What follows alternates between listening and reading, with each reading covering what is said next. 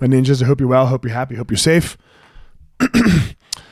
so, I'm going to continue with the kind of Jedi Star Wars talk from yesterday, and I'm, but I'm going to take it to us right now in these two polarities that we are sitting in the almighty Republicans and the almighty Democrats, and however you voted last week or whenever it is that you voted. Just like with the Jedi Sith analogy, so many of us are sitting right there calling the other side the Sith. So, first, I'm going to speak to the Republicans. Um, I'm not a Donald Trump supporter. I will never be a Donald Donald Trump supporter. That's an impossibility for me. And if nothing else has made you feel that way, um, maybe I can try to explain. It's been a heavy four years in the sense of how to be a dad to my children, especially my child that struggles with um, anxiety. And he is very empathetic and he is very aware of other people's feelings. Um, and he is old enough to see things on his own. We try not to talk too much about politics around the household. We don't watch the news.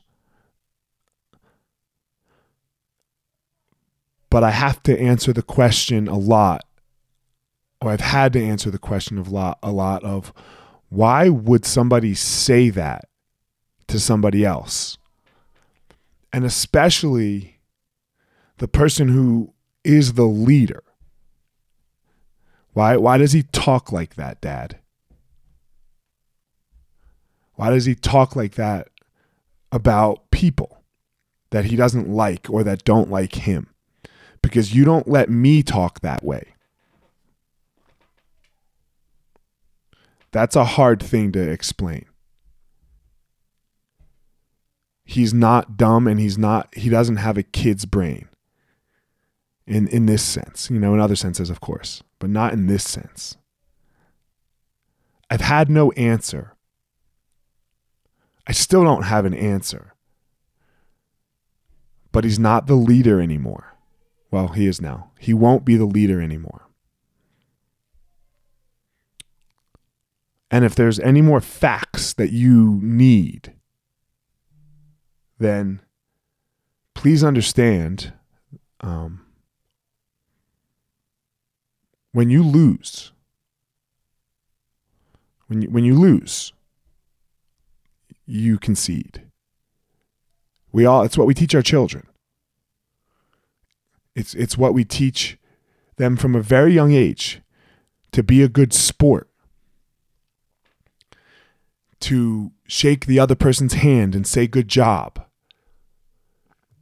It, it, this is the epitome of what a leader does.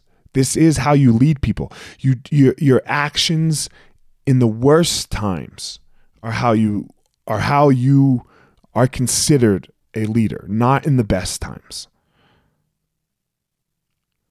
So please stop this nonsense. We need to get along if not for anything else but the sake of our children.